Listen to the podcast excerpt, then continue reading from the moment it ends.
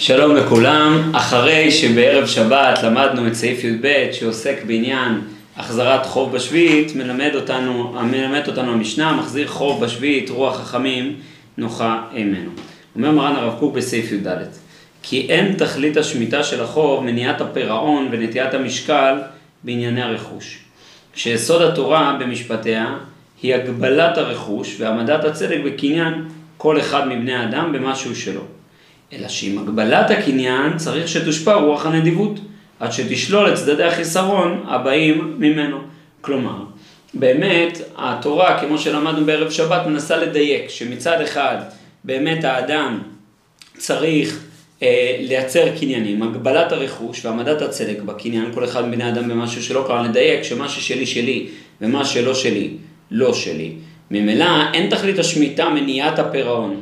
כלומר, היא לא באה ואומרת, לא, אני מונע ממך לפרוע חובות, אני רוצה עכשיו לתת איזה משקל שאתה תדאג לכסף שלך ולא תחזיר כסף שלא שלך, אלא אדרבה, לדייק שמה ששלי שלי, ויחד עם זה, אלא שעם הגבלת הקניין, צריך שתושפע רוח הנדיבות.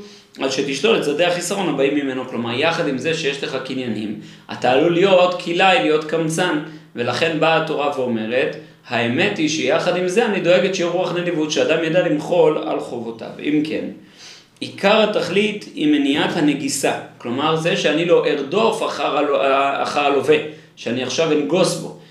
למה? זכירת השמיטה מצד הכרה, כי יש תכלית נשגבה וקניינים יותר נשגבים ויקרים לאדם מקנייני הרכוש, שהם קנייני החוכמה והצדק, שכדי לקנותם צריך שיקנאו לפניהם גם כן קנייני הרכוש. בעצם, היכולת של האדם לא סתם לוותר על החוב, אלא לא לנגוס בחוב, כלומר לא לרדוף אחר החייב, זה לא הכוונה שעכשיו אני מוותר על מה שהוא חייב לי, אבל אני לא יכול לרדוף אחריו, אני לא יכול לדרוש ממנו את חובותיי, וזה מלמד אותי שאם אתה מתעסק ברדיפה אחר משהו, בניסיון השגה של דבר, אל תתעסק בניסיון השגת הרכוש, תתעסק בניסיון השגת החוכמה, הצדק והמישרים. אגב, הדבר שבשבת האחרונה קראנו על עניין פרשת המן, שפרשת המן בעצם באה ומלמדת אותנו בדיוק את היסוד הזה, שאף על פי שהאדם באמת אה, אה, ניזון משמיים, האדם אסור לו להתעסק ברדיפה אחר האוכל, אם המחסיר לא המעיט והמרבה לא העדיף. למה? כי באמת, האדם לא יכול להשיג מעבר למה שמוכן לו. ולא ניתנה תורה אלא לאוכלי ממן. רק אדם שחי בתודעה של מן, שאין לי מה לרדוף אחר הכסף, רק אדם כזה יכול להשיג קנייני תורה, לא ניתנה תורה אלא לאוכליה. אה, ובאשר אין להעמיד את מניעת הנגיסה, שהיא התכליתית, כי אם על ידי פטור התשלומים, כלומר, הדרך שלי למנוע ממך לנגוס, שאני בא ואומר, פטור מתשלומים. או אם אתה תרדוף אחריו, הוא יגיד לך, אני פטור, אני לא חייב.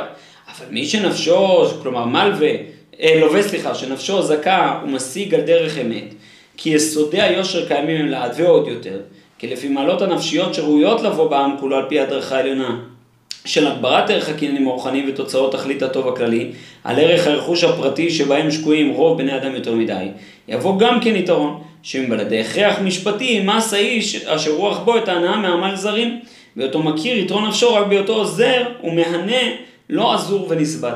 כלומר, אומר הרב, מתוך ההבנה הזאת, מתוך ההתרוממות הרוחנית הזאת של ויתור הקניינים, האדם נעשה ותרן על ממונו. כיוון שהאדם נעשה ותרן על ממונו, האדם בעצם בזה לא עכשיו גם מוכן, טוב, אני ותרן על ממוני, אז מה אכפת לי ליהנות מממון זרים? אדרבה, זה ייצר, כל תודעת השביעית, היא תייצר אצל החברה כולה עדינות רוח כזאתי, שאני כל כך לא חפץ ברדיפת קניינים, עד כדי כך שממילא אני גם לא חפץ בקבלת קניינים של אחר.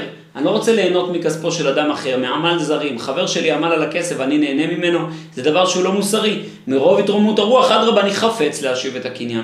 הוא לא רודף אחריי כי הוא מתרומם רוחנית ומשחרר את עניין הקניינים, כיוון שאני גם התרוממתי רוחנית, ממילא אני גם לא חפץ שכספו יישאר אצלי. אני חפץ להשיב, וזה בא מיתרון רוח, זה בא מנדיבות הלב, זה בא מההכרה הפנימית שלי ולא מתוך נגיסה וכפייה חיצונית. על כן, המחזיר חוב בשביעית בהיות כל דבר מעיק חיצוני, לא חומרי ולא מוסרי חיובי נמצא. כלומר, באמת, זה לא בגלל שזה משהו חיצוני העיק עליו. לא בא באמת איזה דבר שכפה אותו, נגיסה חומרית, או איזה חוב אה, הלכתי של החזרת חוב, אה, פריאת בעל חוב אה, מצווה, זה לא, לא מהטעמים האלה, לא מאף סיבה לא רוחנית ולא גשמית. זה עצמו נמצא, אה, הוא לאות, הדבר הזה הוא לאות על מעלת חוכמת נפשו שמשכיל לצד הפנימי שבתכלית המצווה. האדם הזה השיג את עניין משמעות השמיטה. מה מהותה, מה תוכנה של השמיטה. וממנה יבוא להשכיל לעבוד את השם בחוכמה וכישרון דעת נפשו. להשכיל לעבוד, אה, אה, בכל, בכל נפש, ודעת נפשו מכילה בכל התורה והמצוות וכל חוקי החיים. על כן, רוח חכמים המשכילים אל היסוד הפנימי והגרגיר המוסרי שבכל דבר חוק ומשפט לפי הראוי לו להיות פועל על רוח האדם להשכילו ולהיטיבו, רוחם נוחה ממנו. כלומר, הניסוח הזה נורא מצחיק. המחזיר חוב בשביעית, רוח חכמים נוחה ממנו. תגיד, המחזיר חוב בשביעית, צדיק. המחזיר חוב בשביעית, ירא שמיים. לא.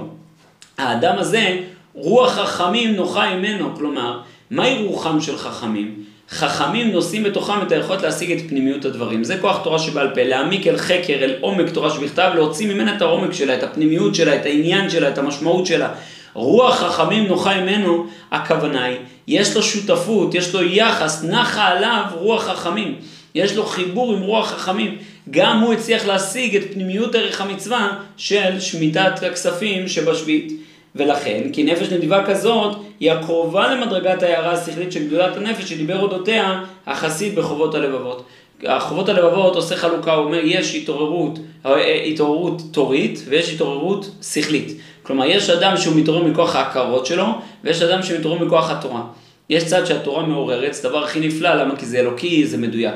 אבל בסוף זה חיצוני לי, כי זה לא בא מפנימיותי, מהשגתי. האדם הזה בא ואומר, נכון שהתורה עוררה אותי להניח את הקניינים בצד, אבל השכל שלי מעורר אותי שאף על פי שמניחים את הקניינים בצד, אני לא אוותר על ליהנות מכספי זרים. וזה מעלה יותר גדולה של התעוררות שכלית, יש לו הזדהות עם תוכן המצווה במהותה.